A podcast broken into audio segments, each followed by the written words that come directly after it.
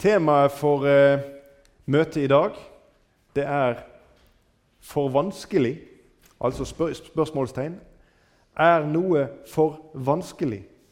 Ja, for deg og meg så er ting noen ganger for vanskelig. Men spørsmålet er jo retta til Gud, til Jesus. Er noe for vanskelig for Han? Vi skal be litt sammen. Herre, vi ber om din velsignelse over de minuttene vi nå har for oss. Vi ber Jesus om at du skal eh, tale til oss ved ditt ord. Føre oss inn i forståelsen av din makt og dine muligheter. Amen. Vi skal lese sammen eh, et vers som stanser meg her eh, midt i forrige uke. Vi satt og leste med frokostbordet. Og Dette verset det stanser meg på en slik måte at jeg, jeg tenkte at dette skal vi dele sammen på søndag. Og Vi leser fra Jeremia 32, 17. Å Herre, Herre, se du er den som har skapt himmelen og jorden, ved din store kraft og ved din utdrakte arm. Ingenting er for vanskelig for deg. Noen ganger så kommer min og din sin logiske sans i veien for oss. Den skaper forstyrrelser for oss i troslivet vårt. Og den skaper tvil hos oss av og til. Fordi at vi trekker våre logiske slutninger og setter de som en slags ramme på hva Gud kan gjøre, og hva han ikke kan gjøre. Når vi betrakter et tema som helt umulig Vi tenker liksom noen ganger at det må være et, spor igjen av logikk. Det må være en siste rest igjen av mulighet før vi liksom kan feste lit til at da kan Gud fortsatt gjøre noe. Men noen ganger så er det slik at vi kommer så langt fram i det temaet som måtte være plagsomt eller vanskelig, og der finnes ikke lenger noen mulighet. I en sånn situasjon er det vi finner Jeremia når han skriver dette verset. Å Herre, Herre, se du er den som har skapt himmelen og jorden ved din store kraft og din utdrakte arm. Ingenting er for vanskelig for deg. Jeg tror at noen ganger så kommer disse tingene i ulage for oss.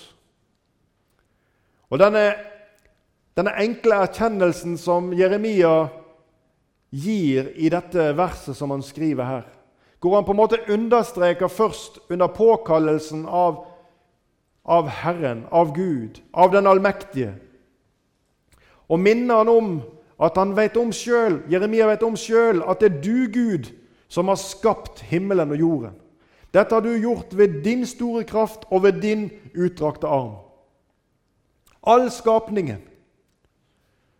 Og pga. at Jeremia han har erfart i sitt hjerte at dette er Gud, så kan han også si disse siste ordene i den siste setningen til Gud. Ingenting er for vanskelig for deg.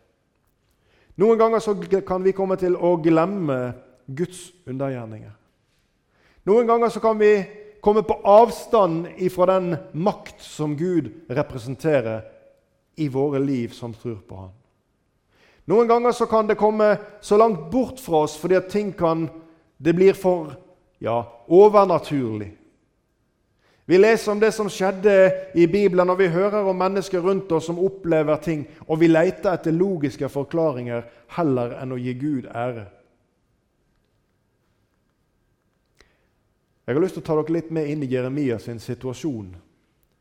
Litt omkring dette verset som han skriver her. I Jeremia 32, og vi leser vers 2-3. Den gang holdt Babelkongens hær Jerusalem beleiret, og profeten Jeremia var innestengt i vaktgården i judakongens hus.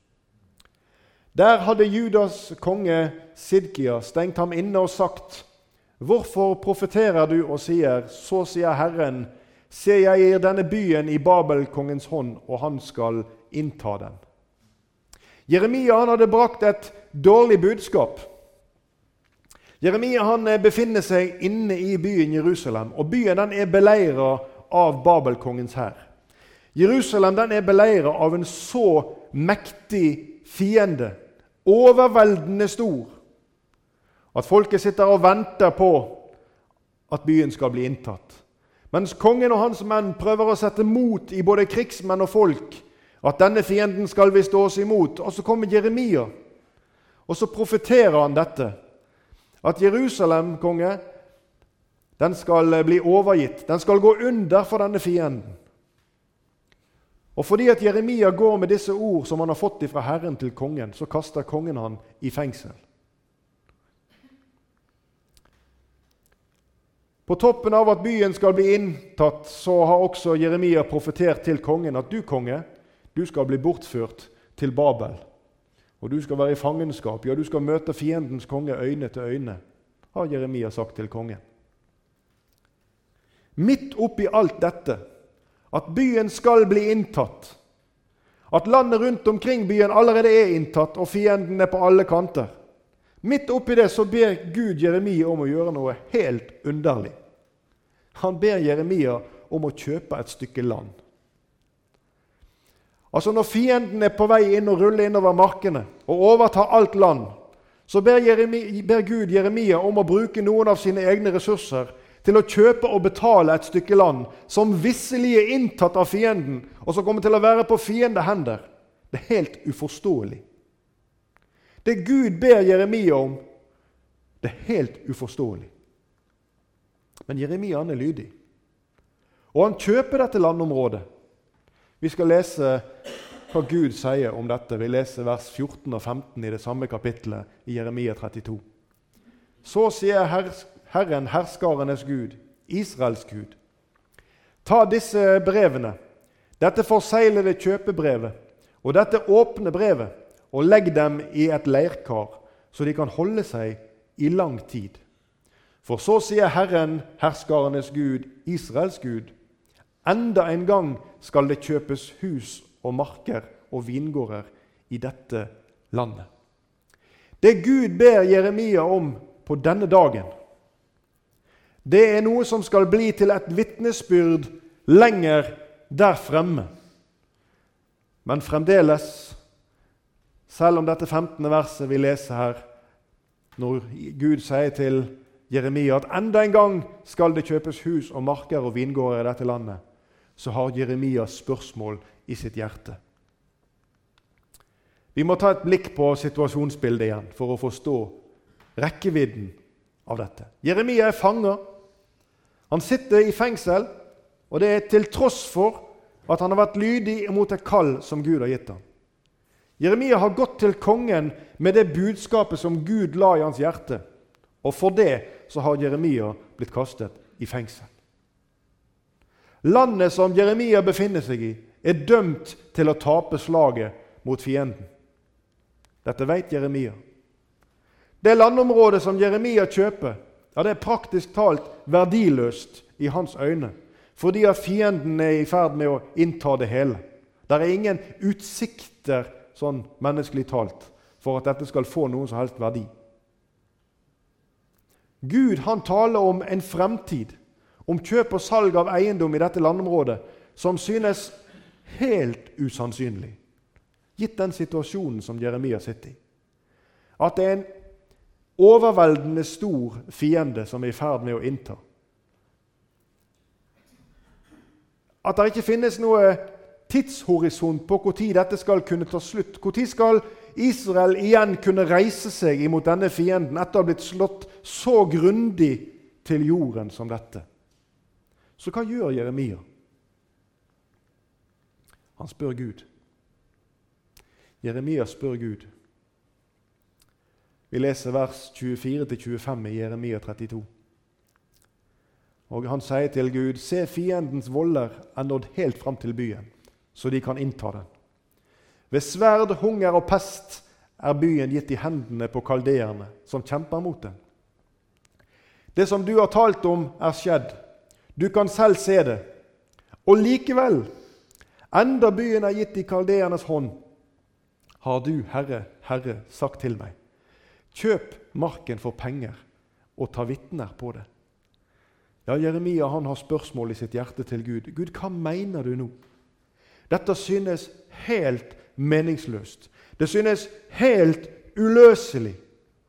Det er ingen tidshorisont på når denne investeringen skal kunne gi noen avkastning, verken økonomisk eller på annen måte. Kanskje du har spørsmål til Gud? Kanskje du har temaer i ditt liv som du vil bringe fram for Gud, og så spør du Gud hvorfor Gud? Kanskje det finnes fellesnevnere i ditt og Jeremias sitt spørsmål. La oss ta opp igjen dette verset i eh, kapittel 32 og vers 25. Og så setter du inn din situasjon, og så leser vi Og likevel, enda Og så kan du tenke på situasjonen. Enda sånn og slik, så har du, Herre, Herre, sagt til meg Og så har du kanskje en gjerning som du skal gjøre. Til tross for Gud, at du har sagt til meg og at det skal skje slik og slik, så har du likevel bedt meg om å gjøre slik og slik, og det henger ikke sammen. Til tross for at alt er så vanskelig, så skal jeg likevel virke for deg. Til tross for at jeg ikke har de ressursene som jeg trenger til det, så har du bedt meg om å hjelpe noen. Og lista kan være lang over ulike situasjoner og over ulike oppdrag som Gud minner oss om. Men kjære deg, da jeg satt og leste disse versene, så kom jeg til å tenke på at lista er ganske lang over flere sånne situasjoner som dette i Bibelen. Hvor Jesus, eller hvor Gud selv, griper inn og ber mennesker om noe, bare fordi at i etterkant så skjer det en helt uforståelig situasjon. Vi finner Moses og israelsfolket ved Rødehavet. De har gått igjennom et stort slags fjellpass og er kommet ut på et stort område. Vi måtte nesten hatt et bilde av, av eh, topografien i området for å sette dette. Men det er et stort område. Se for deg et stort område hvor mennesker har gått igjennom et slags fjellpass og er kommet ut på denne store sletta. Foran dem ligger havet. Bak dem ligger denne åpningen i fjellpasset, og der ser de støvskyen av fiendens hær. Vi ser et folkeslag foran oss et stort folk, kanskje så mye som to millioner mennesker, som er samla ut på dette store området. Havet foran og fienden bak. Og på toppen av det hele De har ikke gått seg vill utpå her. De har ikke gått til et sted hvor de sjøl tenkte at dette var lurt. Nei, de har kommet hit fordi at Gud gikk foran dem i en skystøtte om dagen og en ildstøtte om natten og leder dem frem til dette sted. Her står de nå. Ja, Gud han eh, sier til Moses 'Moses, hvorfor roper du til meg?' Moses hadde ennå ikke åpna sin munn. Men Guds oppdrag til Moses det er 'Hvorfor står du her og roper til meg, Moses?' 'Ta heller og rett ut staven din over havet.' Og fortsett på den veien som jeg har ledet dere. Helt usannsynlig.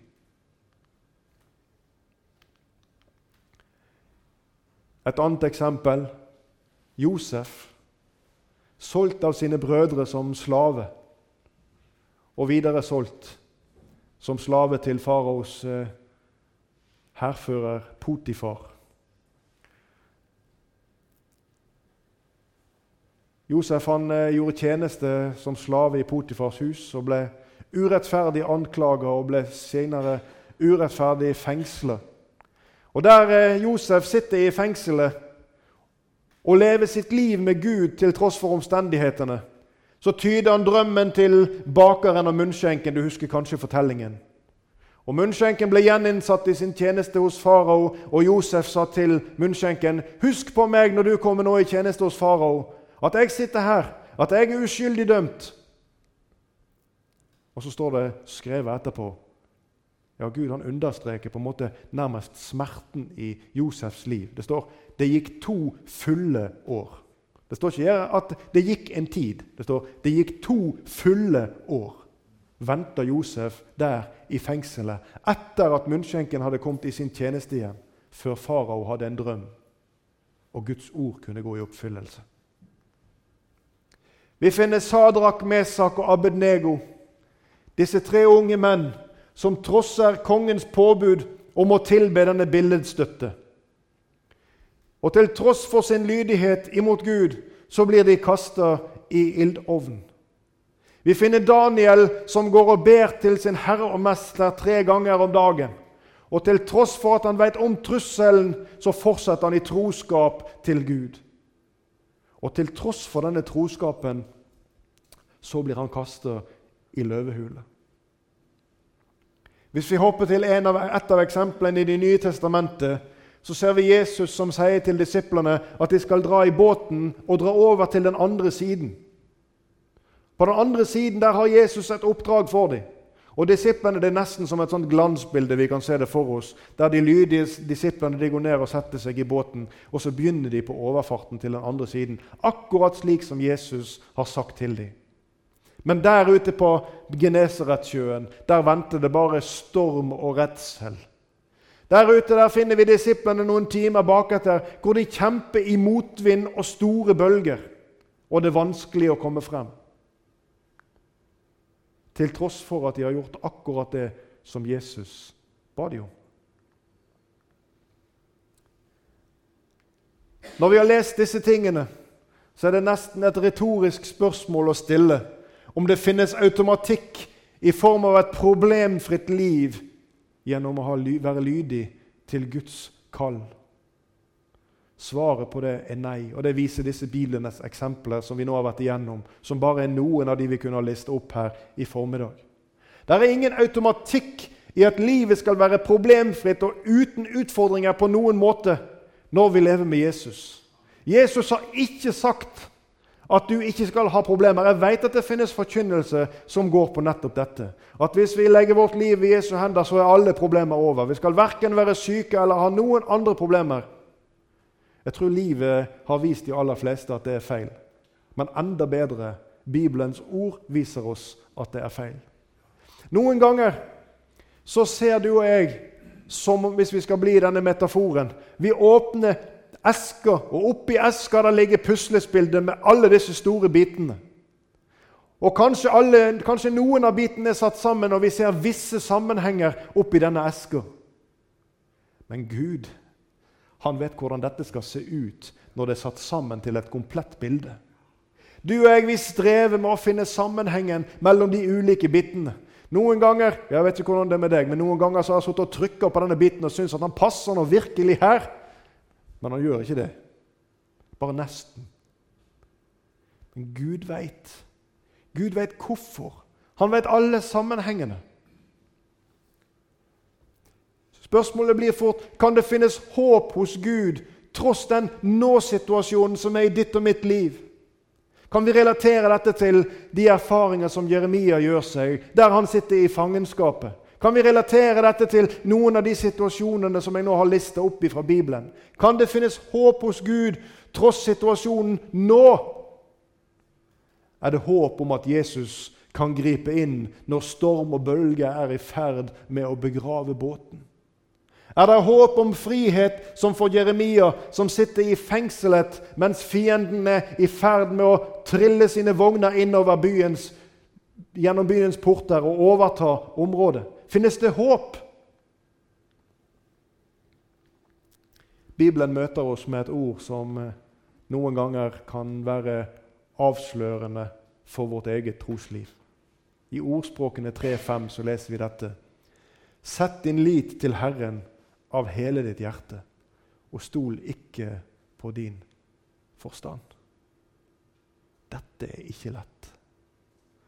Dette er ikke lett å sette vår lit til Herren av hele vårt hjerte og ikke stole på vår forstand. Det kan vi klare når det er en rest av logiske forklaringer på hvorfor ting skal kunne ordne seg. Men når alt håp er ute, når ingen løsning finnes, da er det vanskelig å legge forstanden til sides og sette lit til Herren av hele sitt hjerte, slik Jeremia gjorde.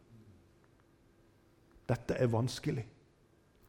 Du, Jesus han sier til sine i Johannes 16, 33. Dette har jeg talt til dere for at dere skal ha fred i meg. I verden har dere trengsel, men vær frimodige. Jeg har overvunnet verden. La oss tygge litt på disse ordene. Jesus han begynner dette verset med å si 'Dette har jeg talt til dere for at dere skal ha fred i meg.' Og så kommer Ja, så kommer budskapet som er like forferdelig som det er enkelt. I verden har dere trengsel. Jesus vet om det. Jesus vet om at du har trengsel i ditt liv. Jesus vet om det som er vanskelig i ditt liv. De ting som møter deg, som er uløselige for deg på egen hånd. Jesus vet om det. Jesus vet om sykdom, han vet om økonomi, han vet om eiendomsgrenser. Han vet om alle typer problemer. Det er ingenting, står det i Skriften, som er skjult for han. Alt ligger nakent og bar for Jesus. Han kjenner ditt hjertes innerste kammer, det som du ikke engang deler med noen, kanskje ikke engang dine nærmeste. Men Jesus han sier til deg, vær frimodig. Til tross for nå-situasjonen, til tross for at det ser håpløst ut, til tross for at det ikke finnes noen som helst løsning, vær frimodig! Broder Willy møtte oss i dag med åpningsordet fra andre krønikerbok. Herrens øyne farer over hele jorden, for kraftig å støtte dem som er helt med ham i sitt hjerte. Vær frimodig! For et ord! Når Jesus kommer gående på bølgehavet, og disiplene er søndagknuste i sitt håp om redning, så sier Jesus, 'Det er meg'. Fremdeles så stiger Jesus inn på vår menneskelige arena. I alt det uløselige. Og ordene, det er de samme. Det er meg. Jeg er, er den som stiger inn i ditt liv. Og han spør deg om det samme som han spurte den blinde. Hva vil du at jeg skal gjøre for deg? Gud svarer Jeremia på det hvorfor han stiller til Gud. Når Jeremia spør Gud om hvorfor han skal kjøpe dette landområdet, og, og hvorfor han skal gjøre disse tingene som er så uforståelige, så minner Gud Jeremia om hvem han er. Vi leser i Jeremia 32 og versene 26-27.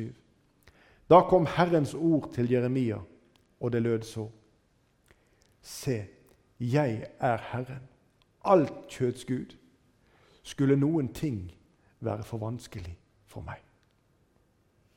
Vi leser i Bibelen at Gud har ikke forandra seg. Han sier sjøl at han ikke har forandra seg.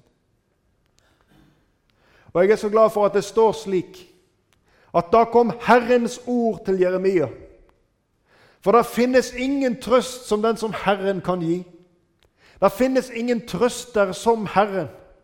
For han har all trøst, Gud, står det skrevet i hans ord. Jeg er så glad for at ikke det står at da kom en av Jeremias sine kompiser og ga han trøst.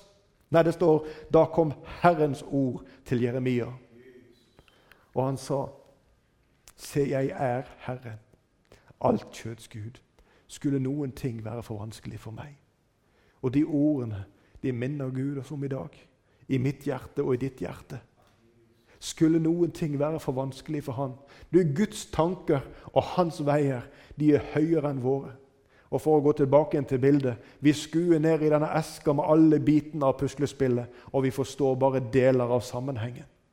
Men Gud han vet hvordan dette skal settes sammen. For at det bildet han hadde tenkt, skal bli komplett. Vi fortsetter å lese i Jeremia 32, og versene 36 og helt til 42. Og Gud sier, Og nå denne byen som dere sier er gitt i Babelkongens hånd med sverd og hunger og pest. Om denne byen sier derfor Herren, Israels Gud. Se, jeg samler dem fra alle de landene som jeg drev dem bort til i min vrede og harme og min store forbitrelse. Og jeg vil føre dem tilbake til dette sted og la dem bo trygt. De skal være mitt folk, og jeg vil være deres Gud. Jeg vil gi dem et hjerte og lære dem én vei til å frykte meg alle dager, så det må gå dem vel, dem og deres barn etter dem. Jeg vil opprette en evig pakt med dem, at jeg ikke vil dra meg tilbake fra dem, men gjøre vel mot dem. Og frykt for meg vil jeg legge i deres hjerte, så de ikke skal gå bort fra meg. Jeg vil glede meg over dem og gjøre vel mot dem, og jeg vil plante dem i dette landet i trofasthet av hele mitt hjerte og av hele min sjel. For så sier Herren, like som jeg har latt alle disse store ulykkene komme over dette folket, slik vil jeg også la alt det gode komme over dem som jeg har lovt dem. Gud taler om fremtid og håp. Gud han taler om det som ligger fremme, som ikke er beskuebart for verken Jeremia eller noen som levde på hans tid, i den situasjonen de var i. Men Gud taler om til Jeremia Jeremia, det kommer en tid etter dette. Det kommer en tid Jeremia, da min herlighet skal bli oppfylt på dere. Det kommer en tid da dere skal få se det bildet som jeg er i ferd med å sette sammen. Du skjønner det ikke nå, Jeremia, men du skal få se det en gang. I vers 32, nei, kapittel 32 og vers 15 i Jeremia så gjentar eh, det løftet som Gud gir der, det gjentar han i vers 43 i fortsettelsen av det vi nettopp leste. På nytt så minner Gud Jeremia om dette. Jeremia, det skal igjen bli kjøpt marker i dette landet som dere sier er blitt en ørken, uten mennesker og dyr, overgitt i kaldeernes hånd. Det kommer en tid, Jeremia, etter dette, og du skal få se at mitt ord skal oppfylles.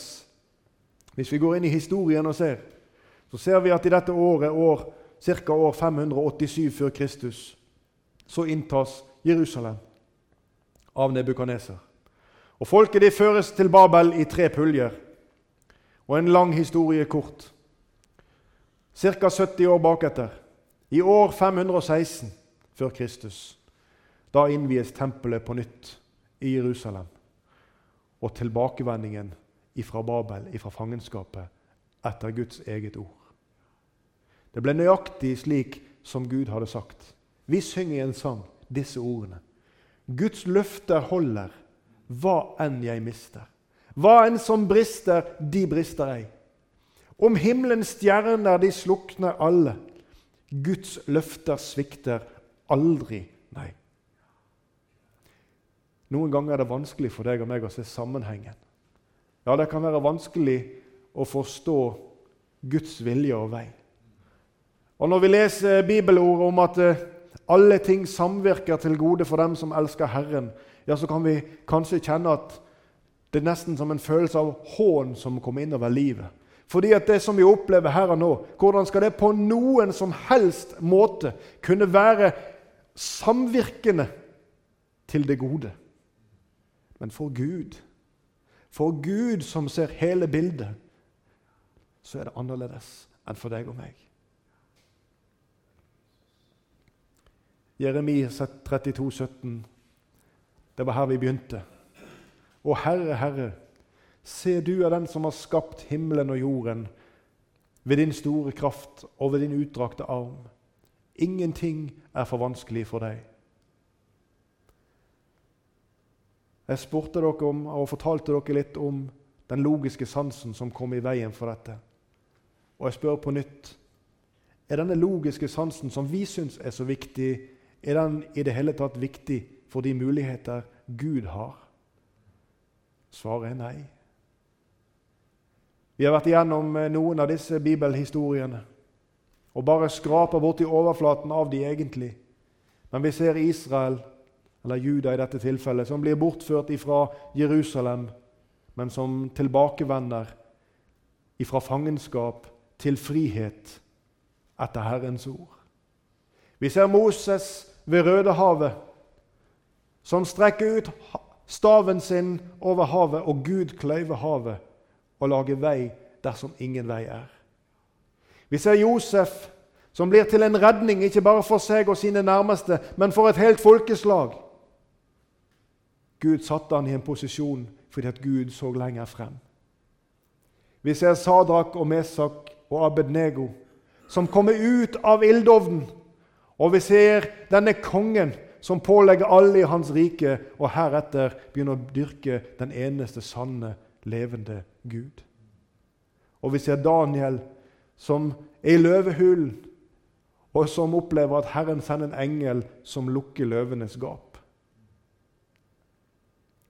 Vi finner disiplene i båten som opplever at Jesus han kom på en måte som ingen kunne tenke seg.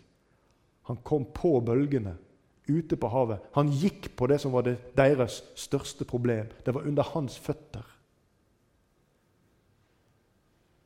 Så hjelper han sine. Jeg tror at eh, jeg for min del, og kanskje du har det på samme måten, trenger nettopp dette. Jeg trenger å be om hjelp til lydighet og om styrke og utholdenhet til det oppdrag som Gud gir deg og meg i våre liv. Jeg tror vi trenger å be til Jesus om at han må gi oss det vi trenger av tålmodighet og styrke for å stå i det som gjelder nå, fordi at han har en plan lenger fremme som kanskje ikke vi ser rekkevidden av. Men det å leve i tillit til Han, eller som jeg sang her i begynnelsen av møtet, å være litt mer lik Jesus og litt mindre lik på meg. Han som hadde en slik tillit til Faderen. Vi trenger å be om hjelp til å tro, til å trosse vår egen forstand, slik at ordspråkene 3-5 kan få gjøre sin gjerning i våre liv. At vi kan sette vår lit til Herren av hele vårt hjerte. Se, jeg er Herren, alt kjøds Gud. Skulle noen ting være for vanskelig for meg? I Jeremia 32, 27. Helt til sist så har jeg lyst til å sitere ett vers fra en sang som eh, en skribent som heter Emil Gustavsson han skrev denne sangen i 1886. Emil Gustavsson han var uhelbredelig syk. Han hadde en magesykdom, og han døde i ung alder. Han fikk eh, aldri noe hjelp som gjorde han frisk. Han søkte både leger og han ba om helbredelse. Men Emil Gustavsson han levde med sykdommen gjennom sitt liv og døde i ung alder. Men han skrev denne sangen. Hvor underlig er du i alt hva du gjør. Hvem kan dine veier forstå? Men ett er dog sikkert, den vei du meg før. For meg er den beste å gå. Og Jeg har streka under de to siste linjene her. Fordi at selv om det kan føles vanskelig, ja, til og med uforståelig, så gjelder dette fortsatt. Ett er dog sikkert. Den vei du meg før, Jesus, det er den beste veien for meg å gå. En god amerikaner ville sagt 'no matter what'. Uansett så er det slik. Herre, må du hjelpe oss å gripe ditt ord, Herre. Herre, med et åpent hjerte. Må du hjelpe oss, Herre Jesus, at din uavgrensede makt At vi kan få et glimt, Herre Jesus, av den på nytt i våre liv. Herre, at om livet floker seg til eller er vanskelig på ulikt vis, Herre, så er du den som har nøkkelen. Uansett, Herre. Hjelp oss å gripe det, Herre. For det gir salighet, himmelsk salighet og trygghet i vår hjerter.